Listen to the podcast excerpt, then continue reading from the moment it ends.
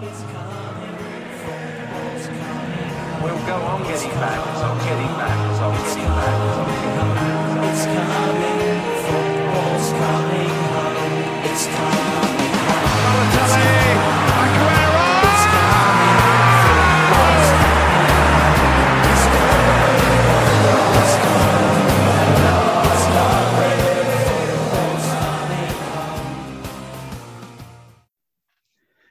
Seizoen weer wel. We zitten nu in een blikkend hete kamer. Alle drie nog wel op eh, gepaste afstand via Zoom. Maar het Premier League seizoen zit erop. Liverpool is eindelijk kampioen na 30 jaar. Eh, Watford, Bournemouth en Norwich trekken aan het kortste eind. En die ze gaan degraderen. Manchester United heeft een grote inhaalslag gemaakt. Door alsnog de Champions League te halen. Leicester City pist net naast de pot. En de andere Champions League plekken worden weggegeven aan Manchester City en Chelsea. Al lang van kort, er is dus weer genoeg gebeurd in dit afgelopen seizoen van de Premier League. En wij gaan er even ja, een korte terugblik op geven. En ik eh, doe dit uiteraard niet alleen, want ik kan het niet alleen. Ik doe dit met Magiel Hoi, hoi. en Fabian. Goedenavond, eh, leuk om er weer bij te zijn na zoveel weken. Precies, hè? Alle, alle drie even met, eh, met vakantie geweest. Even de batterij kunnen opladen om ons te, te kunnen voorbereiden op eh, het komende Premier League seizoen. Waarin, eh, Ja, en ook al- alle drie min of meer dezelfde bestemming. Dan eh, Duitsland, eh, Oostenrijk, een beetje Duitsstalige landen, Centraal-Europa. Dus eh, we zijn elkaar net best gelopen, maar we zijn wel ongeveer in dezelfde omgeving geweest. Genau, Yes. en nog even we praten over de Bundesliga in plaats van de Engelse Premier League. Ja, Als ze ja. doorgaat. Dat is heel nice. Ja, nee, dat is, ehm, ja, dit is de ene laatste aflevering van, eh, van dit seizoen. Dan komt hierna nog een, eh, leuk interview aan met Jan-Willem Spaans. eh, journalist, schrijver. Hij heeft een boek geschreven. En eh, ik ga er verder niet veel over teasen, maar dat eh, kunnen jullie in onze volgende podcast ehm, beluisteren. Maar in deze podcast gaan we even terugblikken op het seizoen in de Premier League. 2019-2020, waarin Jamie Vardy de topscorer van de Premier League is geworden. Ehm, ja, ik zou te denken, misschien is het leuk om het te doen aan de hand van een aantal, ehm, een aantal stellingen. Dus wie is nou de beste speler geweest? Wie is nou de op, grootste opvaller geweest? Wie viel het meeste tegen? En dat soort dingen. En dat, eh, ja, denk dat we zo een beetje het, eh, het Premier League seizoen kunnen, kunnen bespreken. En ik denk laten we beginnen met wat was nou de beste transfer van, eh, van deze Premier League, eh, van de Premier League seizoen? Uh, Magie, wie van jij? Ik, had, eh, ik, heb, ik heb geschreven Suyuncu van Leicester. Mhm. Omdat natuurlijk van de zomer eh, verkochten ze Maguire aan Manchester United. En ik denk dat er een hoop mensen dachten dat dat best wel een gemis zou gaan worden voor ze. Mhm. Eh, maar ja, met die, met die ene transfer hebben ze gewoon laten zien dat, die, dat, dat Maguire vervangbaar was. En eh, nu meer dan een eh, geschikte vervanger is voor hem. Ja, zeker een goede aankoop. Ik moet alleen wel zeggen dat ik, ik geloof dat ze hem eh, nog een jaar, jaartje eerder hadden gehaald. In 2018 hadden ze hem binnengehaald. Kan wel, ja. Ik weet het ook niet precies. Wacht, ik heb Transfermarkt er toevallig meen bij staan niet. nu. Dus ik, eh, Ja, ja. ik, pak het er, eh, ik pak het er gelijk even. Ja, ik eh, hier pak- nou gewoon voor lul te staan hier. Maar Fabian, als ik, jou, als ik jou pik zie, ga je ook niet helemaal vrij uit. Althans, jij, Nee, jou, dat jouw waar. keuze Maar ik, ik, ik zal het zo toelichten. Dan, eh, Ja. Ja, Als jij die gelijk even toelicht, dan ga ik even opzoeken wat, eh, wat er allemaal van waar is. Nou, ik had eh, gezegd eh, Christian Pulisic. Alleen eh, is het natuurlijk ook wel zo dat hij ook vorig seizoen eh, eh, gehaald is. Of dus het seizoen daarvoor. Alleen hij werd meteen daarna weer terugverhuurd aan eh Borussia Dortmund. Dus hij heeft eigenlijk pas dit seizoen eh, voor Chelsea gespeeld. Dus juist om die reden vind ik dat hij eh, wel mee- meetelt. Omdat het echt het eerste seizoen is dat hij er officieel bij zit en speelt. En ik heb eigenlijk ook niet alleen gekeken naar zeg maar, wat voor impact hij heeft gehad dit seizoen en na de lockdown. Maar Mhm. meer van met het oog op de toekomst. Dan zouden natuurlijk na het verkopen van Eden Hazard hadden ze een hele grote gat die ze moesten vullen. En ze, misschien wel de beste speler van de Premier League, of ene beste. En eh, het is ook niet heel makkelijk om zo'n speler te vervangen. Dus met het halen van Pulisic, een speler die, ja, waarvan niet zoveel werd verwacht als wat hij dit seizoen heeft laten zien. Daarmee hebben ze toch wel dat gat weten op te vullen. En ik denk dat hij misschien wel de beste transfer is met het oog op de toekomst. Als je echt in de toekomst kijkt. Denk ik wel dat hij de beste transfer is sinds misschien wel Fabregas of eh, Diego Costa. Ja. Dus, ja. Dat vind ik, dat, eh, dat kan ik, kan ik, vind, ik vind ook het knappe aan Pulisic is dat hij... ehm, ja, hij, hij kreeg natuurlijk aan het begin enorm veel kritiek over zich heen. Hè? Eigenlijk ging het Ja. allemaal, eh, was het allemaal maar eh, ja, drie keer niks. Dat ze die jongen gehaald hadden. En uiteindelijk heeft hij zich ja, goed, eh, goed gerevancheerd. Dus ik kan me er ook wel in vinden. En ik heb nog even de, de transfer van Soyuncu erbij gepakt. En die is inderdaad volgens Transfermarkt op 9 augustus 2018 overgegaan van Freiburg naar, naar Leicester. Dus uh, Magiel, ja, je, mag ook nog wel een je mag ook nog wel een andere naam noemen als je wil. Dat uh, zijn we ook alweer. Als je nog een tweede hebt. Nee, nee, maar ga, ga jij maar eerst. Daar ga ik even, even over nadenken. Ja, mijn pick, eh, pick is eentje geweest die ehm, ja, eigenlijk maar dan gewoon een half jaar in de Premier League speelt. Maar vind ik een, zo'n dusdanige impact op de club en eigenlijk op de hele league heeft gehad. Dat ik hem wel moest noemen. En ik heb voor eh, Bruno Fernandes gekozen van eh, Manchester United. Dus ik vind het enorm knap hoe hij in ehm, eigenlijk die relatief korte periode dat hij nog maar bij de club zit. Eh, het voetbal zo dusdanig veranderd heeft. Of eh, het, het, voetbal zo dusdanig beter heeft gemaakt. En United ja, eigenlijk die Champions League ingeschoten heeft. Ehm, ja, dat, dat, dat ik het, ik vind dat ik het zo knap vind dat je dat als, als buitenstaander uit ja, de Portugese competitie met alle respect eh, komt en het voetbal zo naar je hand weet te zetten van ja, toch wel een van de grootste voetbalclubs, misschien wel de grootste voetbalclub van Engeland. En dat vind ik, vind ik, vind, vind ik knap en hij hij straalt veel positiviteit uit. Hij is goed bezig met zijn, ehm, weet je wel, met zijn, met zijn eh, spel, spelhervattingen en zo is natuurlijk eh, Ja, dus, ja, nou ja, penalties. eh, hoeveel heeft hij er gemaakt? Wel echt veel, denk ik. eh, ja, veel. Ik heb het niet Zes, hem- zes voor hem, of vier, zoiets. alleen nog voor United dit seizoen. Vier, ja, vier volgens mij waren het. Hè. Eh, alleen in de Premier League dan. In de eh, competitie dan weliswaar. Ja, ja. Ja. Ja, dus dat was. ehm, ja, dus die heb ik, die heb ik, eh, die heb ik gekozen. Maar je hebt ondertussen al een, eh, een tweede gekozen om nog eh zo te laten. Ik, heb, ik heb iemand gekozen. Ik heb iemand gekozen. En dat is geen kooptransfer, het was een huurtransfer. Mhm. Dean Henderson naar Sheffield. Ah ja.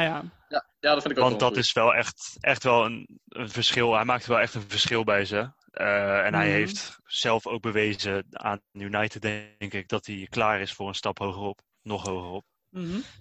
Dus eh, ja, dat is voor mij dan de beste transfer dit seizoen. Ja, vind ik, vind, vind, vind ik een goeie. Kan ik het hem ook eh, zeker in vinden. Maar ja, waar een beste is, is ook een slechtste. Ehm, en ik zie dat, ik, in het- als ik het draaiboek zie, heb ik, zie ik dat eh, jullie allebei dezelfde voetballer gekozen hebben. Ik laat deze aan Ja. Magiel over, want eh, dan geef ik zo mijn eigen mening over, Ja. over deze speler. Ja, ik had Joe Linton van Newcastle, maar dat was natuurlijk eh, niet heel best dit seizoen wat hij heeft laten zien. Voor wat ze betaald hebben voor hem is het, was het heel erg droevig. Want ze hebben van de zomer 44 miljoen betaald aan Hoffenheim. En daar hebben ze voor teruggekregen eigenlijk heel weinig. Volgens mij ja, vier, vier doelpunten en vier assists in 44 wedstrijden. Dat is natuurlijk... Ja, er komt wel heel vaak die 4, 4 weer terug van die 44 miljoen. Maar ik denk niet dat dat nou heel erg eh, iets, iets waar ze blij van worden. Maar het is gewoon een enorme miskoop is het. Ik bedoel, je, je haalt een spits voor 44 miljoen. Dan verwacht je dat hij er minimaal 15 tot 20 inschiet. En als hij er dan maar 4 maakt, dan is dat... Ja, op zijn zachtst gezegd toch wel een hele grote miskoop te noemen. Ja, ik, eh ik eh, sta me daar helemaal bij aan. Ik eh, vond het ook een hele ja, slechte transfer die eh, heel slecht uitpakte. En ik vind dat je er soms voor moet waken. Dat, dat als een speler dan één seizoen heeft dat hij heel goed presteert in de Bundesliga, dat je dan toch eh, een beetje moet kijken van, joh, of er wel echt eh, ja, met, ja, meteen wel de beste beslissing die we kunnen nemen. Ik bedoel, je kan ook kijken naar die spelers van Borussia Dortmund, die Mhm. naar de Premier League zijn gegaan en niet zijn geslaagd. Mkhitaryan en Kagawa nog daarvoor, als je die nog Ja. weet uit zijn tijd bij United.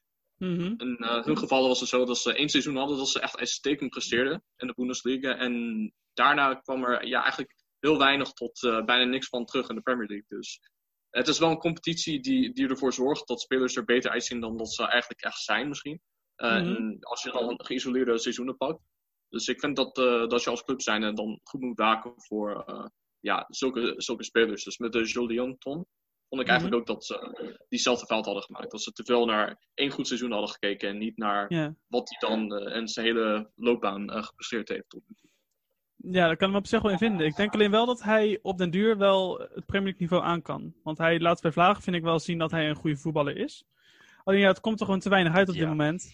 En ik denk Ja, dat dat een het beetje is wel het zo eh, in hele is. Je, als je één keer niet presteert, je, je krijgt niet heel veel kansen, zeg maar. Dus soms heb je eh, echt maar één seizoen en als je het dan niet laat zien, dan is het al eh, voorbij. Dus Nee, dat, dat is waar. in zijn geval ook zo. Dat is inderdaad, Mhm. dat is inderdaad waar. Ja, ik heb gekozen voor Ravel Morrison. Toch een jongen die naar Sheffield werd gehaald aan het begin van het seizoen. Ja, om eigenlijk een beetje de grote ster te worden die, die de club eigenlijk vorm moet gaan geven. Je doet natuurlijk op huurbaas bij West Ham wel aardig gedaan, maar verder is toch altijd een beetje het eeuwige talent dat ja, dat het eigenlijk nooit echt gemaakt heeft.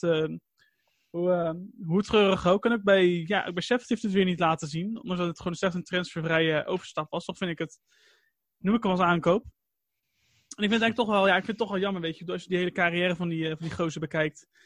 Ja, is- weet je wel, wat zou er van geworden zijn op het moment dat hij, dat zijn mentaliteit goed was geweest, hè? Dan was, Ja. Dan was, was, was hij, ja, dan zou hij heel groot geworden zijn, denk ik. Dus dat is, Fysiek, en ik denk dat atletisch is die, is die heel goed. Alleen, ja, mentaal is het er gewoon niet, wat jij zegt. Als hij dat nou wel had Mhm. gehad, ja, wie weet hoe goed hij dan was geworden. Maar ja, ja. Dus dat dan een beetje achteraf praten natuurlijk, maar het is wel wat, eh, wat wij doen.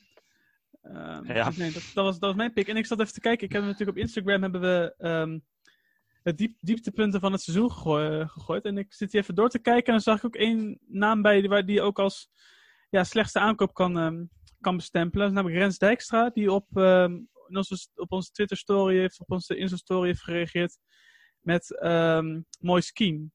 Dat vind ik ook inderdaad wel, wel een hele sterke. Ja, die heeft Ja, pas in zijn laatste wedstrijd gescoord, toch? Dacht ik. Volgens mij wel, ja. In ieder geval, die, heeft, Ja. ehm, die kwam met hoge verwachtingen, maar heeft ze niet waargemaakt. Nee, en eh, bij een 3-1 nederlaag of zo tegen eh Bournemouth had hij dan zijn eerste doelpunt gemaakt. Ja, dat, eh, dat is hem ook niet echt, hè. Dat is inderdaad wel een goede naam, nee. eh, die dan te noemen. Ja, dat vond ik ook een hele, hele goede die ook wel genoemd moest worden. Ja, Zeker. van een eh, Ja. slechte, van, goede van slechte spelers gewoon een goede trainers. Eh, ja, mijn pick was eh, Chris Wilder. Want die, die gozer heeft gepresteerd. Ja, Ik twijfelde heel erg tussen Chris Wilder en Nigel Pearson. En uiteindelijk heb ik toch maar gewoon Chris Wilder gekozen. Ik voor de, voor de Mm. veilige weg gegaan. Ehm, want ja, ik bedoel, wat die vent allemaal gepresteerd heeft, dat is toch echt ongekend. ja, dat is bizar. Dat Echt. is echt, dat, dat Echt is echt niet normaal. Dat je promoveert en dan op vier punten van Europees voetbal eindigt aan het einde van het seizoen. Dat is echt. dat was echt met pech. Ik, ik denk zelfs als er geen eh, lockdown was gekomen, dan hadden ze het gewoon nog zo ver geschopt dat ze eh, Europa League hadden gehaald. Dus ze hadden net pech Ja. dat, ze, ja, dat andere teams dan gepresteerde spelers terugkregen. En dat ze dan ineens eh, weer in vorm konden raken. En dan toch die plekken Mhm. wisten, wisten af te pakken. En ook Mhm. Arsenal met de winnen van de Ja. FA Cup, dus ze dan ook een plek hadden afgepakt. Dus ja, maar op basis van het spel hebben ze, heeft hij het absoluut goed gedaan. Vind, vind ik inderdaad wel een goede kandidaat, beste trainer. Ik had alleen zelf wel gekozen voor Jurgen Klopp, omdat ik, ja, ik vind het toch wel echt wel in- indrukwekkend dat het eindelijk gebeurd is. Dat hij eindelijk met eh, Liverpool kampioen is Mhm. geworden. Ja, En ook al had hij een goed elftal, dat, eh, ik vind toch wel dat hij applaus verdient. Dus voor mij is hij de beste trainer van dit seizoen. ja, snap ik En de manier waarop ook, hè? Ja, Ja. ook. ja. Ja, klopt, die, Ja. die flikt het gewoon altijd weer om, eh, om een club helemaal naar zijn hand toe te zetten. En dat doet hij nu ook gewoon weer. Ik bedoel, En bijna evenveel punten als Guardiola. En het eh, zeg maar, meest eh, behaalde punten aller tijden heeft hij dan 99 punten gehaald. Met een pandemie, met een corona-stop, zeg maar. Heeft hij toch nog bijna het record geëvenaard. Dus ja, alle applaus voor hem en voor de speler. ja, volledig mee. Klopt heeft echt een weer, weergeloze prestatie geleverd. De afgelopen ja, twee, drie seizoenen zou je kunnen zeggen al. Dat, dat die man, dat je, je zag het aankomen eigenlijk dat ze kampioen zouden worden. De laatste Mhm. twee jaar. Maar de Ja. vraag was eigenlijk meer wanneer gaat het nou daadwerkelijk gebeuren? Wanneer was het nou eindelijk our year? Zoals de Liverpool fans het altijd zeggen. En dit jaar, ja, meer, meer, dan, meer dan terecht. Met zoveel overmacht kampioen worden, dat is niet normaal. Echt niet normaal. Dus dat eh, Mhm. Nee. kan ik me ook in vinden. Kijk, als best. En dan nog, eh, ja, dus de, de ster van het seizoen. Wie verdiende eigenlijk, als wij, de, als wij zouden mogen kiezen voor Player of the Year Award, wie zou die volgens ons moeten winnen? Eh, Fabian? Wat, eh, welke jij Ik had, eh, ik denk wel een logische keuze gemaakt als je kijkt naar wat andere mensen, de meeste mensen vinden. En dat is Kevin De Bruyne. Ik vind dat hij het eh, verdient, omdat hij, ja, eigenlijk in een seizoen waarbij eh, City veel blessures hadden, Laporte uitgevallen, Sané eh, weggevallen en dan ook transfer gemaakt voordat het seizoen voorbij was. Eh, ja, welke andere spelers? Fernandinho eh, deed een lange tijd niet mee. Mhm. En eh, ja, toch, toch heeft hij dan eh, het uh, assistenrecord van uh, Henri heeft hij geëvenaard met 20 assists in het seizoen. En dat was dan uh, met uh, nog een beetje pech, want er waren ook legitieme assists die dan niet meetelden. Die uh, Oké. niet goed goedgekeurd werden door de Premier League. Dus eigenlijk had dat record van hem moeten zijn. En Ja. ja. ja, hij heeft het gewoon heel consistent over het hele seizoen heeft hij goed gespeeld. Ik denk dat hij nu wel de beste middel, middenvelder ter, ja, ter wereld is. Dus op basis daarvan uh, vind ik dat hij uh, beste speler verdient. Maar wel nipt over Jordan Henderson. Want die vond ik uh, dit seizoen ook echt heel sterk spelen. Vooral in het, uh, ja, zeg maar winterseizoen. Eh, toen ze heel veel wedstrijden achter elkaar hadden, was hij echt uitstekend. En eh, je zag ook bij Liverpool dat het minder goed liep. Zonder hem erbij. Dus ik vond dat hij ook een, eh, ja, dat hij ook een, eh, ja, een waardige kandidaat was. Maar De Bruyne is voor mij wel echt de, de winnaar. Ja, ja, sowieso. Met dat wat je zegt over de beste middenvelder ter wereld ben ik het ook wel echt mee eens. Die gozer die is Mhm. zo compleet als niet normaal. Ja. Echt niet normaal. Magie, weet jij? Nou, ik ben voor iets meer van, van een outsider gegaan. Ik ben voor eh, Danny Ings gegaan. Mhm. Omdat, ja, Danny Ings bij Southampton, begin van het seizoen van Southampton was natuurlijk echt ontzettend waardeloos. Eh, met als, als dieptepunt die 9-0 tegen, tegen Leicester. En dan als je ziet dat hij in zo'n elftal, wat dus best wel eh, wisselvallig is, dat hij 22 doelpunten weet te maken. en Maar één minder dan uiteindelijke topscorer Vardy bij Mhm. Southampton. Wat niet disrespectvol bedoeld is, maar toch. Southampton niet, niet de beste ploeg in de Premier League. En dat je dan toch 22 doelpunten weet te maken, dan vind ik dat je op zijn minst genoemd mag worden eh, in het rijtje voor de nominaties van beste speler van dit seizoen. Mhm. Ja, volgens mij is hij ook genoemd, toch? Hij Nee, is genomineerd. hebt, Ja, eh, ja, ja. Ja, toch? Ja, hij is wel genomineerd, ja. Ja. Sorry, ja. Hij, hij is wel Hij heeft niet gewonnen, maar hij is wel genomineerd. Ja. Ja, ik ben ook eigenlijk een beetje de Magielroute heb ik genomen. Ik ben ook van outsider gegaan. Ik heb namelijk voor mijn ja, een persoonlijke favoriet van mij gegaan. eh, dat is James Madison, hè, de middenvelder van Leicester City. Ik bedoel, hij is een soort van, ja, toch wel een soort centrale middenvelder, aanvallende middenvelder of zo. Weet je wel, die niet echt continu aanvallend is, maar ook verdedigend zijn taak doet. En gewoon, ja, een goede, goede, goede trap heeft. Mooie, mooie voetballen vind ik om naar te kijken. Sierlijk, kan, eh, Mhm. een mooi vrij trappen nemen en veel assists gegeven. Dus eh, ja, en ook een gozer je eigenlijk niet zou, eh, niet zou verwachten dat hij gelijk zo, eh, het gelijk zo goed zou doen. Weet je, hij kan natuurlijk, natuurlijk al een jaartje Premier League ervaring gedaan. Of een half jaar voordat hij ehm, uiteindelijk bij Leicester kwam, kwam van Norwich over, dacht ik. En, ehm, Ja, klopt. van Norwich inderdaad. En ehm, ja, dat hij, dat hij het voetbal zo, dat hij ook dat team zo, ja, ik zo, zo een dienst weet te bewijzen, terwijl je er pas zo kort, eh, kort zit eigenlijk, zo weinig Premier League ervaring hebt. Ehm, ja, en dat eigenlijk combineren met dat je bijna de Champions League haalt, terwijl je een van de grote sterren bent. Ja, ik vind dat persoonlijk best wel knap. Dus ik zou daarom voor James Madison gaan. Daar heb ik ook een shirtje van hem gekocht eh, dit seizoen. Omdat ik Oh, hem ja. gewoon moest hebben. dus nee, Ja. voor mij is het eh, voor mij was, was Madison een relatief eenvoudige keuze. Om, om die Hm. redenen. Ik moet alleen wel over, persoonlijk over Madison zeggen dat hij in het eerste helft van het seizoen veel sterker speelde dan in de tweede helft. Dus hij had dan, eh, je, het kwam eigenlijk misschien ook de- ja, een deel door blessureleed, maar Mhm. hij was in de tweede helft van het seizoen beduidend minder. En toen hij minder goed speelde, zag je ook dat Leicester ja, minder veel punten pakte, dat ze ineens gewoon helemaal instortten. Dus dat had Mhm. wel heel erg met elkaar te maken, denk ik. Dat eh, hij dan minder was gaan spelen en dan geblesseerd raakte. En toen was het Mhm. als een soort kaartijs in, ineengestort bij Leicester. Ja, dat merkt hij wel inderdaad. En misschien dat dat uiteindelijk toch wel de Champions League plek gekost heeft voor, eh, voor Leicester. Nee, eens. Want die zijn natuurlijk heel, eh, heel beroerd uit de, voornamelijk ook uit de coronastop gekomen, maar daarover later zeker meer. Ehm, ja, wat heeft ons het meest verrast? Sheffield United. Ja, Mhm. wat ik net al noemde, Chris Wilder als beste trainer. En dan de grootste verrassing is echt zonder, voor, bij mij, voor mij zonder enige twijfel Sheffield United.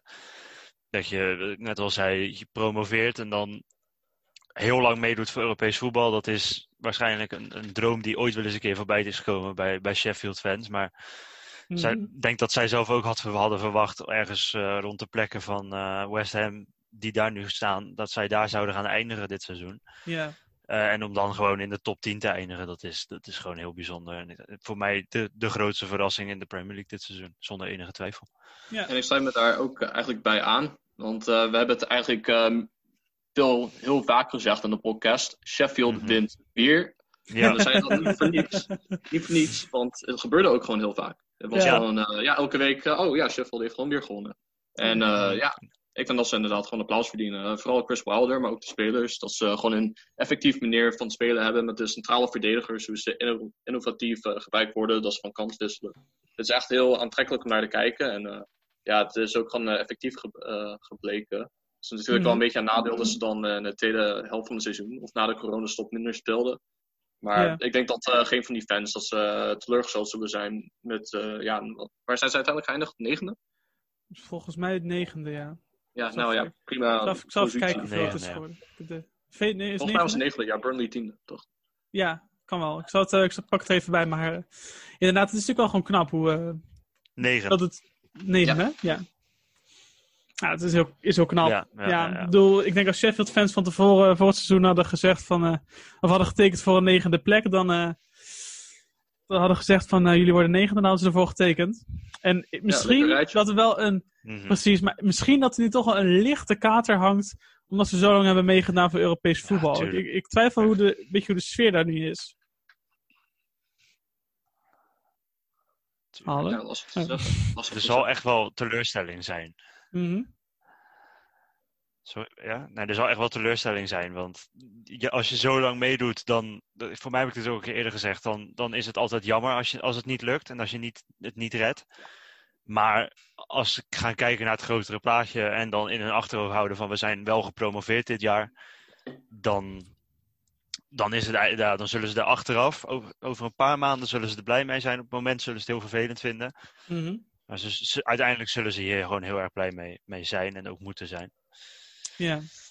Nee, daar Ja. kan ik me wel, kan ik me wel in vinden. Mijn, eh, mijn grote verrassing was eigenlijk Chelsea. Ik had er namelijk niet verwacht dat, eh, ondanks de transferban, ehm terwijl ze toch Hazard verloren waren, dat, eh, dat ze het zo goed uiteindelijk zouden doen. Ik bedoel, ehm, dus zeker gasten als, als Mason Mount, die we natuurlijk uit de Eredivisie kennen. Daarvoor misschien wel alle, misschien van die de drie, de drie jonge gasten, ik zal ze even noemen, Abraham, Mount en Tomori. Had ik eigenlijk niet verwacht dat Mason Mount, die, het, ja, die, die natuurlijk een leuke voetballer bij Vitesse was, het ook gelijk zo goed zou doen in, ehm, in de, zijn debuutseizoen in de Premier League. Dat hij na een, een goed jaar nog bij Derby Ja. County, dacht ik, dat hij gespeeld heeft eh, gehad. Ja, Lampard. Ja. Lampard inderdaad. Ja. En dat Lampard toch ja, de ballen heeft om, eh, om hem, om Abraham en om ook aan het begin van het seizoen Tomori op te stellen, die het ook echt heel goed heeft gedaan, vond ik. Ehm, ja, vind, vind, vind, vind ik knap. Dus ik had er niet verwacht dat eh, Chelsea met dit team de, de Champions League zou halen. Het is er toch gelukt. Dat, eh, ja, chapeau en petje af voor, voor Frank Lampard. Mhm. Mhm. Dat wordt dan gelijk een soort sympathieke elftal. Weet je wel? Chelsea heeft natuurlijk altijd een beetje de publieke opinie vaak tegen als, ko- als koopclub. En nu krijgen ze toch lijkt het wel meer een soort identiteit of zo. Weet je wel, als ik dat zo mag noemen. En dat vind ik wel Ja, leuk. maar ik bedoel, nu kijk je naar, wel naar wat voor spelers ze komende zomer halen. En nu gaat het weer richting eh koopclub. dus het is voor één seizoen noodgedwongen wel zo geweest dat, dat hun imago veranderd was. Maar nu gaan ze wel eh, terug naar het oude manier. En ik vind dat het eigenlijk ook wel een beetje bij hen hoort. Ook al hou ik er zelf als rivaal supporter en niet van. Het is wel een beetje een identiteit. Dus ik kan het ze ook niet kwalijk nemen. Nee, precies. Nee, dat, dat, dat, dat is waar. Maar toch eh, hoop je dat ze, dat ze die lijn doortrekken. Maar ik ben ook wel een beetje, ik heb ook wel een beetje een soort van angst van wat er nu met, met Mount. En voornamelijk met Mount en Abraham gaat gebeuren. Want ja, ze gaan natuurlijk geen Werner en Ziyech op de bank zetten. Weet je, wel. dat gaat nooit gebeuren. En Pulisic gaat ook gewoon spelen. Dus dan worden, worden een van die twee gasten, misschien wel allebei gewoon geslachtofferd. Dat vind ik dan Ja, wel weer ja. jammer. Dat is wel eh, goed mogelijk. Ze willen ook Kai Havertz willen ze ook halen. Het is nog niet duidelijk of dat echt gaat Ook gebeuren. nog. Maar dat, eh, Ja. Nee, die gaan naar Heracles, toch?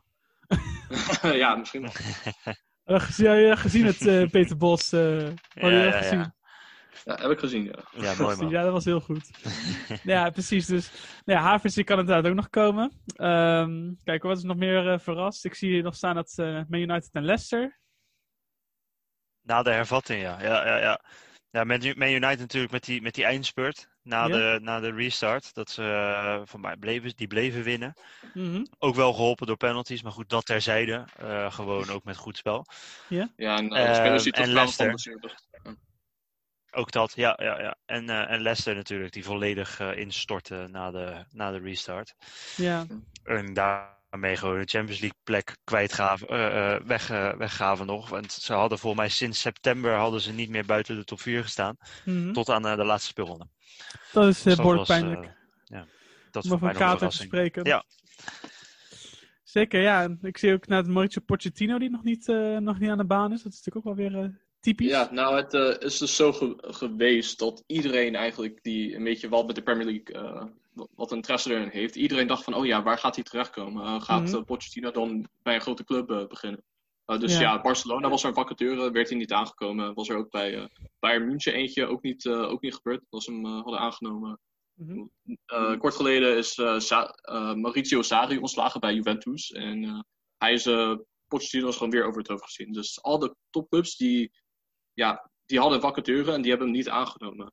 Nou heeft hij dan in zijn geval wel gehad dat hij dan door twee eh, clubs is benaderd. En die clubs zijn Benfica en AS Monaco. Mhm. Alleen hij heeft ze in beide gevallen eh, afgewezen. Dus eh, ja, ik denk van, ja, het is misschien wel heel bijzonder dat hij nog nergens terecht is. En wat voor club vinden jullie een beetje bij hem passen? Is wel mijn... Ja, ik had dus heel erg gehoopt dat, dat Manchester United naar ehm, dat Manchester United naar, hem geïnteresseerd zou zijn. Maar ja, die heeft natuurlijk, met Ollie hebben ze dat natuurlijk niet echt nodig meer. Ehm Kijk, eh, ik zou zeggen Barcelona of zo doe ik. Barcelona heeft natuurlijk ook, eh, gaat ook niet altijd lekker mee nu. Dus eh, ja, ik zou denk ik gewoon voor, eh, voor Barcelona, voor, ik zou Pochettino graag gewoon bij Barcelona zien. Oké. Ja. Hij heeft wel, eh Ja, was hij trainer van. Dus het is wel een beetje luchtgevoelig, denk ik. Ook bij de sporters en ook bij hem. Dezelfde stad. Ja, Zelfde stad.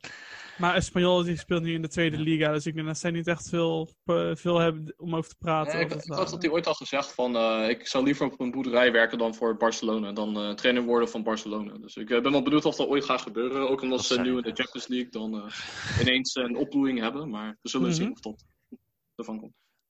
Precies. Ja, dan denk ik dat we kunnen naar onze hoogtepunten. Dit hebben we ook even op de social media gedropt. Ik zie trouwens dat wij op Zoom nu nog maar 7 minuten recording tijd hebben. Dus ik denk dat we het even in twee delen gaan opnemen, deze Mhm. podcast. Oké. Goed, dat even, dat even heel tussendoor even... Wat terzijde. me- ja, precies. Als mensen dan opeens denken van, hey, wat is hierin geknipt, dan weten jullie waar het, eh, waar het op komt. Eh, nou, we hebben het ook even op de social media, eh, op social media gegooid. En ik denk dat ik die als eerste er even mooi bij zal pakken op eh, wat ik eh, ben tegengekomen.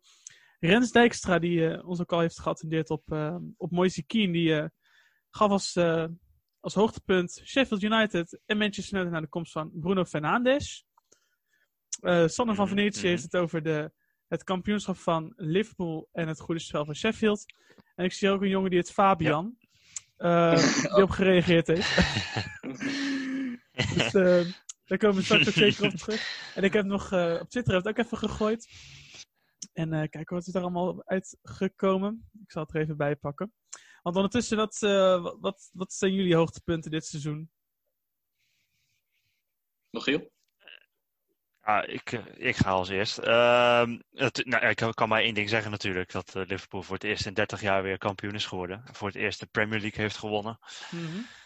Dat, was, dat is ja, voor mij het, het, het ultieme hoogtepunt van dit seizoen. En natuurlijk dan Sheffield, wat ik er al net al als verrassing bij noemde. Maar het echte hoogtepunt is natuurlijk gewoon het kampioenschap voor Liverpool. Laten we eerlijk zijn. Dat is, eh, dat is jouw persoonlijke mening. Kijk, zeg- voor mij was het toch wel. Ja, ook, ook ik ga het gewoon, eh, ook gewoon bij, mijn, eh, bij, bij mijn kleur houden. En dat is dubbel van, van West Ham over, over Chelsea. Vind ik echt ook knap dat ze, dat ze twee keer Chelsea hebben verslagen. En ook twee keer met twee mooie wedstrijden hebben gezien. Ja, zeker weten. Ja. Dat waren eigenlijk twee van de leukste van het seizoen, vond ik zelf. Dat hoor ik graag. Eh, nee, dus dat vind ik wel gewoon heel knap dat, eh, dat, dit, eh, dat, dat dat kan. En dat misschien West wel een soort van angstgekner van eh, Frank Lampard gaat worden. Laten we het hopen. Ja, wie weet. En, eh, Misschien zijn ze extra gemotiveerd als, eh, omdat hij vroeger natuurlijk eh, voor de jeugd voor, van West heeft gespeeld. Dus. Ja, precies. Nee, dus dat, eh, dat denk ik. En wie, had jij, eh, Fabian? Ik had, eh, nou, nou, ik heb het eigenlijk ook eh, een beetje bij mijn eigen kleur gehouden. En dat was de FA Cup eh, winst voor Arsenal. Dat is natuurlijk niet eh, geheel Premier League, maar wel, heeft er wel enigszins invloed op. Mhm. Ik had eigenlijk voor de maandag geleden gezegd, van, omdat het zo slecht met Arsenal ging, dacht ik van, het is misschien ja, met het oog op de toekomst beter als ze het dan slechter doen. Want dat zou dan betekenen dat de eigenaar dan meer van zijn eigen geld zou investeren in de club. Dat hij dat eindelijk zou doen. Omdat Ja. hij ziet van, hé, hey, zonder een bijdrage van mij gaat het iets slechter met de club. Maar ja, nu sinds dat Arteta er is, is er ineens positiviteit ontstaan. Hij had natuurlijk wel in de Europa League, toen ze eruit gingen, wel Mhm. eh, ja, een beetje moeite op dat moment. Maar eh, daarna is hij weer gewoon uh, ja, rechtgetrokken. En hij heeft in de FA Cup gewoon heel knap van City gewonnen, van Chelsea.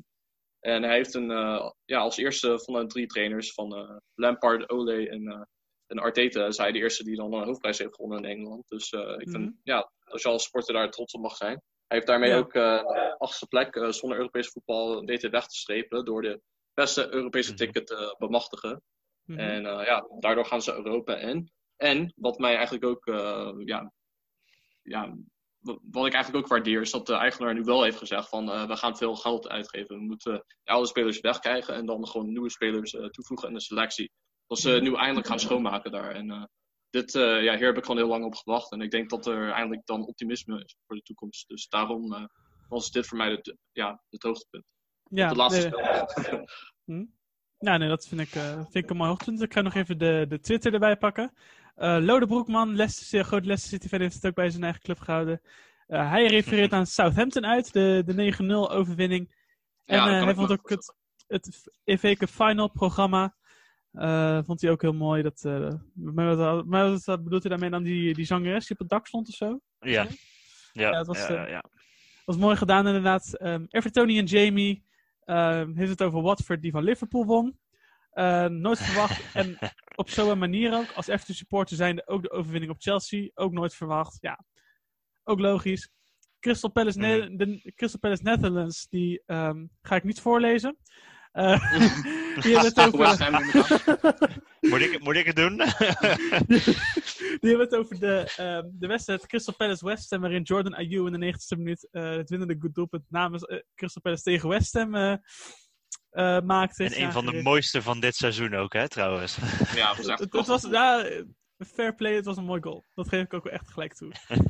en eh, Simon 1499, die ehm, heeft het over Liverpool 2 Manchester United 0. Eh, met de goal van Salah. En dat, het eigenlijk al het, dat hij aangeeft als het moment waarop Liverpool ehm, ja, eigenlijk kampioen werd. En ja, kan ik me ook eigenlijk wel in vinden. Voor mij was het toen ook wel echt klaar. Voor zover het nog een competitie was überhaupt. Ja, mee eens. Mhm. denk En ook. die, eh, ja. Ja. en die Ja. sprint ook van Alisson toen na, daarna toe. Dat was ook wel mooi. En dat gejuich van die supporters, het was wel een soort van een onoverwinnelijk gejuich van oké, wat gaat nu, nu, wat er ook gebeurt, dit komt goed. Ja, Ja. precies. Precies. Ja. Ja, boys, ik ga even, ehm, even de recording uitzetten. Dan eh, maak ik even een nieuwe, een nieuwe eh, meeting aan en record ik die even. Oké. Dan eh, ben ik zo weer terug, goed? Dat was mooi. Ja, en dan hebben we net dus de hoogtepunten van het seizoen gehad. Uiteraard hebben we ook dieptepunten. Ehm ja, Michiel, take it away. Eh, nee, ik had een dieptepunt. Het was niet per se eh, voetbal gerelateerd, maar ook best wel een groot dieptepunt. En dat is de hele coronacrisis, die niet alleen het voetbal natuurlijk platgelegd heeft voor eh, ongeveer zes maanden, maar ook gewoon de hele wereld voor een, een langere tijd platgelegd heeft. En dat was voor mij het, het grootste dieptepunt van, van, van dit seizoen, maar ook gewoon van dit hele jaar, denk ik. En ik denk wel voor, voor wel wat meer mensen op deze aardkloot. Ehm, en daarnaast had ik nog wel een dieptepuntje. En dat was ehm, die, eh, die racistische spreekhoren toen bij Chelsea. Was dat volgens mij die wedstrijd naar Rudiger. Ja, dat was Chelsea-Tottenham. eh, in het stadion van Ja, Tottenham. Chelsea-Tottenham. Ja. Ja, dat, was, eh, dat was dan een, een, een wat meer Premier League gerelateerd dieptepunt voor mij. Dat, dat dat nog, nu nog steeds gewoon gebeurt. Ja, Ja, schandaal. Ja, het zijn inderdaad wel grote, inderdaad een, een paar grote dieptepunten waar, eh, waarvan we hopen dat in ieder geval corona dat dat over is en dat racisme ook uiteindelijk wel, eh, wel overgaat. Een dieptepunt dat sowieso volgend jaar niet meer in de Premier League te zien is. Ik kan hem heel lullig maken nu. Watford. Gewoon, dat is mijn... ja, die, die club is gewoon mijn, mijn hele dieptepunt. Ik bedoel, ik, ik had één ding dat ik aan het begin van het seizoen, aan het begin van het seizoen al niet snapte, was dat ze Dodi Luca Bacchio hadden verkocht aan de Hertha. Ik dacht van ja, nou dat is nou, als je een beetje wil gaan, eh, gaan herinvesteren in de selectie, moet je zo'n jongen er juist bij hebben. Dus dat, dat snapte ik aan het begin al niet. Ehm vervolgens, na twee, na twee wedstrijden ontsla je Gavi Gracia. Mhm. een trainer aan die ook nooit al heeft gepresteerd met eh Kike Nee, Sanchez en, Flores. die had trouwens daarvoor nog had ontslagen. Dus eh, ze hadden hem ontslagen en toen hebben ze hem weer teruggehaald. Dan eh, twee jaar later of zo. Dat is ook Ja, een beetje- precies. Dat inderdaad. Mhm. Vervolgens die gozer die, die verliest volgens mij zijn eerste wedstrijd of zijn tweede wedstrijd met 8-0 van City. Terwijl het ook wel 13-14-0 had kunnen zijn zonder grappen. Vervolgens ontsla je die weer. Haal je een trainer. Dat, dat hebben dat hebben we nog niet eens in de podcast besproken. Het ontslag van, eh van Pearson. Maar Goed, dit is dan een beetje een spoiler. Je, stel je aan. Doet vervolgens het bijna het onmogelijk om Watford vanaf de laatste plaats naar een veilige 17e plek te, te loodsen. Nog En dan ben je ook 3-0 speelrondes- van Liverpool. ben je 3-0 landskampioen. van, Ook dat. ook, da- ook dat inderdaad. Eh, ja, je doet eigenlijk, hij is ook statistisch gezien de beste trainer die eh, in de Premier League geschiedenis eh, die Watford ooit heeft gehad. Met 1,25 punten per wedstrijd, dus dat is ja, best knap. Vervolgens met nog twee wedstrijden te gaan, wanneer hij lijkt het onmogelijk te flikken door Watford voor degradatie te behoeden.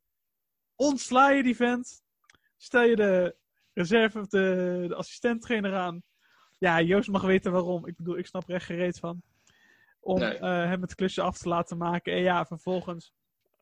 Ja, degradeer je. Degraderen, ja. Ja, sorry hoor, echt. Grotere L in het seizoen kan echt niet. Ik bedoel, dat, dat Norwich dit is snap ik. Dat Bournemouth in, een wat, in een wat minder seizoen dit snap ik ook. Maar wat de fuck heeft Watford nou gedaan zo voor het vloeken? Echt serieus. Ja, Dat kon echt niet. echt waar. Dat echt. Vier trainers in één seizoen. Ja, wat verwacht je dan? Ah, ik vond het eh, dan- daardoor dan ook niet het. heel onterecht. Nee, ja, precies. Wat wat Michiel zegt, je verdient het gewoon. En dat zeg ik ook niet omdat eh ja, sporters van Arsenal een beetje een hekel hebben aan eh, Watford. Maar Hmm. er komt er echt eh, gewoon hu- hun beleid, dat slaat gewoon echt helemaal nergens op. Dus eh, ja, je dan ook, ja, ik bedoel, laat hem dan een karwei afmaken, eh, die Pearson. Maar nee, Mhm. ze kiezen er toch voor om een oud speler dan interim te maken. Net zoals Ryan Giggs toen, ze, toen Manchester United David Moyes had ontslagen. Dat ze hem even de Mhm. laatste drie wedstrijden laten coachen. Maar ja, toen zijn we nog ik vond keer het ook helemaal nergens op. En eh, ja, toen is ze van kwaad, ja, kwaad naar erger gegaan. En zijn ze alsnog gedegradeerd. Dus, Ja, ik had Nee, dat- Watford... Ja, ik had Watford op zich de grote The Greatest Kid best gegund. Eh, gezien hoe eh, Pearson het deed, maar toen Pearson ontslagen werd, dacht ik, oké, jij krijgt nou de kleren, maar ik hoop dat Villa erin blijft. Ja. is niks. eh, nee, zeker. echt? Niet oké. En wat nee, had jij... ik had eh, als, ja, ik had als dieptepunt dus... ehm, eigenlijk eh, sluit ik me aan bij wat Michiel zei. En Sowieso vind ik de coronacrisis en alle, met alle respect vind ik dat echt super, super erg. En, eh, en eh, natuurlijk ook dat, dat racisme, ja, dat er racistische opmerkingen zijn die nog steeds gemaakt worden door het publiek in het stadion. Dus dat kan in deze tijd ook niet meer. En dat hebben we ook in Mhm. Nederland gezien, helaas. Mhm. Dus, mhm. Uh, ik heb het idee dat de Premier League dat ze de FA er echt meer aan gaat eh, doen. Dus ook op social media, dat ze dan ook gewoon mensen gaan opsporen en dat soort dingen. mhm. Dus eh, ze gaan het echt anders aanpakken. En ook dat de spelers, als ze in WhatsApp-groepen dan racistische dingen met elkaar delen, dan worden ze ook gewoon geschorst. Dus eh, ze proberen het ook echt gewoon eruit te krijgen. Dus het heeft dan misschien wel een positief eh, effect gehad. Maar Ja. mijn eh, persoonlijke dieptepunt, eh, dus was van mijn, eh, van mijn eigen club, was die hele Emery eh Jungberg eh, periode. Omdat ze dan eh, alsmaar niet konden winnen. Dat ze twee maanden zonder ja, overwinning zaten. En dan, ja, een club die zo groot is als Arsenal, dat kan gewoon niet. Dus ja, die, ik denk eind, oktober, was het ongeveer eind oktober, de hele maand november, begin december, dat was gewoon echt een, een hel. Met misschien maar één overwinning in die hele tijd. Dus ja, het was echt fijn toen, toen dat eenmaal voorbij was, dat met Arteta tegen Manchester United in januari dat ze wonnen. En toen begon het ineens beter te gaan. Over het algemeen dan. Maar ja, tijd het echt een hele grote diepte. Ja, het waren letterlijk en figuurlijk eh, donkere maanden voor, voor, voor, voor Arsenal. Het, het, het leek ook gewoon echt nergens op. Voor mij was het toen ook op een gegeven moment, die laatste wedstrijd van, van Unai Emery was eh, tegen Frankfurt thuis. Mhm. Die, eh, die verloren ze toen en dat het stadion echt de hele wedstrijd al gewoon half leeg was. Dat er gewoon, dus dat was dat Mhm. zo weinig hoop in die, in die, in die hele club. En dan zag je af en toe nog wel Ja, wat... en ze eh, zaten er de hele tijd uit. zat probeerde. natuurlijk ook met eh Chaka, hadden ze ook, eh, die had Ja. ook een, iets met de sporters, dat ze hem eh, uitfloten en dat hij ineens Mhm. de keer was gegaan tegen ze, terwijl hij aanvoerder van de club was. ja. Ja, ja dat was ook Ja. gewoon echt een nachtmerrie. En, en die hele situatie was gewoon zo erg. Dus eh, dat ze eruit zijn gekomen en toch nog een prijs hebben gewonnen, is echt een, positief, ja, een positief punt van het Ja. seizoen. Mhm. Dat zag er na een lange tijd helemaal niet naar uit wat al ging gebeuren. Nee, klopt. Ja, het is misschien wel leuk om de, dat het eigenlijk weer een, eh, misschien een goed, een goed eh, voorteken voor de toekomst is, eh, in ieder geval. Mhm. Uiteindelijk op social media is natuurlijk ook nog wat gezegd over de dieptepunten dit seizoen. Op Twitter heb ik ook nog, nog reacties gekregen van Leicester City fan Lode Broekman, die we net ook al, ook al een, een hoogtepunt nam. En die, nam, die noemde voor een, eh, ook van zijn eigen club ja, zo'n beetje alles naar de herstart. En daar kan ik me ook, Ja. kan ik me als ik Leicester Ja, kan City ik me goed supporter zou zijn, kan ik me dat ook zeker, zeker heel goed voorstellen. En eh, op Ja. ja. Phoenix voetbal, die eh, is een Bournemouth supporter. En eh, ja, die heeft het dan ook de degradatie van Bournemouth. En eh, het daarmee ehm ja, bezegeld de ontslag van eh clubicoon Eddie Howe, die inmiddels eh, de helft van zijn leven al bij de club zat. Mhm. Eh, is, ook wel, is ook wel een man die ik wel zou gaan missen, in, eh, nu hij niet meer in de Premier League zit. Dat vond ik altijd wel een, eh, een sympathieke vent, wel, eh, wel een leuke, leuke gast. Die had, Absoluut. eh, ja. Eddie Howe gaan we missen. En Bournemouth, eh, ja, Bournemouth ook wel. Gewoon een sympathiek leuk clubje, doet geen gekke dingen. Zeker. En ehm, ja, hu- ze worden gemist. En eh, we hopen dat ze, ik hoop dat ze wel weer een keer terugkomen. Alleen, ja, ik, ik zie het niet gebeuren zo snel als ik eerlijk ben. Ik denk dat het nu een exodus gaat worden. en dat, we hopen. Hm? Ja, we hopen dat ze zo snel mogelijk weer terugkomen. ja, Hoe moeilijk dat misschien ook zal zijn. dat, eh, daar, sluit ik, eh, daar, sluit ik me zeker, eh, zeker bij aan. Neemt trouwens niet weg dat ik, eh, dat ik West Brom, Fulham en eh, Leeds ook drie hele mooie clubs vind om in, in de Premier League te hebben. Maar dat, eh, volgend seizoen daar meer over. Je kunt er maar 20 hebben. Dus ja. ja, soms moeten er clubs als uh, Bournemouth eruit en- om eh plaats te maken voor die andere clubs. Zo is het maar. Precies. Zo gaat het in het voetbal. Ja, inderdaad. En eh, ja. Ja, ook op Instagram inderdaad. kregen we nog wat, eh, wat dieptepunten mee. En eh, dat was onder andere ook van Rens Dijkstra, ehm Leicester City naar de coronabreak, zoals we eerder al genoemd hadden. Everton en Moise Keane, zoals Moise Keane hebben we ook eerder genoemd. En Everton, ja, was ook gewoon ja, vrij teleurstellend. Ik geloof dat we veel aan verwacht hadden, denk ik, eh, voor aanvang Mhm. van het seizoen. Nee eens, ja. Ik had er Zeker, wel zeker. verwacht. En Ja. toch, eh, En die eigenlijk toch het, eh, het minimale gepresteerd eigenlijk. En dat is, eh, dat is zonde. Heel zonde. Zeker. Heel zonde. En Ja. ook als eh, tot slot nog Sander van Venetië, die eh, de degradatie van Norwich als eh, zijn dieptepunt van het seizoen zag. En, eh, ja, dat, eh, dat, dat lot was ook snel bezegeld eigenlijk. En, Ja, ja dat was. het is jammer dat, dat Tim Krul, Poekie en zijn, zijn companen de, de Premier League uitgaan. Waarmee dus ook onze eerste rubriekje ooit in deze podcast eh, nu ten einde komt. het Poekie Hoekie. Maar ook daar gaan we volgend seizoen wat, wat leuks voor in, de- in de plaats brengen. Dus dat komt Tuurlijk. helemaal goed. Daar, daar gaan we aan werken in ieder geval. Dus eh, daar, eh, er komt, wel, er komen, er komt nog leuke rubrieken ook bij ons komend jaar weer. Dus dat eh, gaat helemaal goed komen. absoluut. Dan hebben we in ieder geval de, ook de, de dieptepunten van het seizoen eh, behandeld. En ik zie ook nog een leuk kopje in ons draaiboek staan. want We hebben natuurlijk weer een draaiboek. Opvallende statistieken van dit Mhm. seizoen. Kijk, wie heeft die, er, heeft erin Ja. gegooid? Dat heb ik gedaan, want ik vind dat altijd ontzettend leuk, vind ik dat. Ja, kom maar door. Ehm, want het, het- je- aan het einde van een seizoen heb je echt altijd hele vreemde statistieken ertussen staan. Dat je een, een ploeg die helemaal onderin bungelt, dat die ineens evenveel clean sheets heeft als bijna de kampioen. Ehm, nou, ik begin eerst met iets anders, want de Premier League wordt natuurlijk heel vaak geroepen. ehm, veel doelpunten bij de ploegen, 3-3, 4-4, 4-3, 4-2, dat soort uitslagen hebben we het dan vaak over. Mhm. En ik heb echt gekeken eh, wat er gebeurd is in, deze, in dit seizoen met, met doelpunten. En van de 380 wedstrijden die er gespeeld zijn in dit seizoen, eh, is er in 207 wedstrijden een clean sheet geweest. Zo. Dat betekent dus dat er best echt heel veel eh, ploegen de nul hebben weten te houden. Ja. Eh, en de meeste clean sheets kwamen van, eh, van Ederson van eh, City. Die had er 16. Ehm, en de daaropvolgende, en dat vond ik heel opvallend, dat is Nick Pope van Burnley. Die heeft er dus meer dan Alisson Becker van de kampioen. ja. Eh, en Burnley en Liverpool hebben dus ook gewoon evenveel clean sheets dit seizoen, met 15. Allebei. ja, want eh Alisson die was natuurlijk geblesseerd. eh, volgens mij tweemaal. Eén, Ja, eenmaal ja. geschorst en eenmaal geblesseerd. Dus eh, ja, inderdaad, Mhm. heeft een paar wedstrijden. Mhm. Maar dat vind ik dus heel interessant, dat Burnley, die dus tiende wordt, ja. net zoveel clean sheets heeft als kampioen Liverpool. Ja, grappig. Is, is, is knap Dat is wel, inderdaad. Vind ik mooi. Hm. Eh, daarnaast hadden wij de meeste doelpunten werden gemaakt dit seizoen. eh, vlak voor de rust, vlak na de rust en vlak voor het einde van de wedstrijd. Dus het venijn zat hem eigenlijk altijd in de staart. Mhm. Waren het de eerste of de tweede helft. Eh, wat ik net zei, bij Premier League natuurlijk heel vaak over gro- grote uitslagen. Eh, 9-0 dit seizoen gehad van, van Leicester. We hebben die, die wedstrijd van City tegen, tegen Norwich met acht doelpunten of negen doelpunten zelfs. Mhm. Eh, maar de meest voorkomende uitslag is nog altijd. Ja, ja, tegen Watford bedoel ik, ja. De eh, meest voorkomende uitslag van dit eh, seizoen is dus no- is, is uiteindelijk nog altijd de 1-1. De klassieke 1-1. Mhm. Eh, daarnaast ook dat de 2-1 en de 1-0. Dus eigenlijk ja, heel weinig doelpunten per, per wedstrijd. Terwijl, Ik denk Dat veel zijn de 1-0 wedstrijden. Ja. De Heel 1-0 veel. resultaten die van Liverpool kwamen. ja, dat denk ik ook. En de, de twee eentjes waarschijnlijk ook wel. ja. Ehm, en dan een ploeg die in de top 10 staat op nummer 8 van meest gescoorde doelpunten dit seizoen vind ik vrij onverwachte. Eh, maar als je er eigenlijk naar kijkt is het niet zo vreemd. Eh, dat is Southampton. Met 51 doelpunten gemaakt dit jaar. Dat zijn er maar eh, vier minder volgens mij dan Arsenal.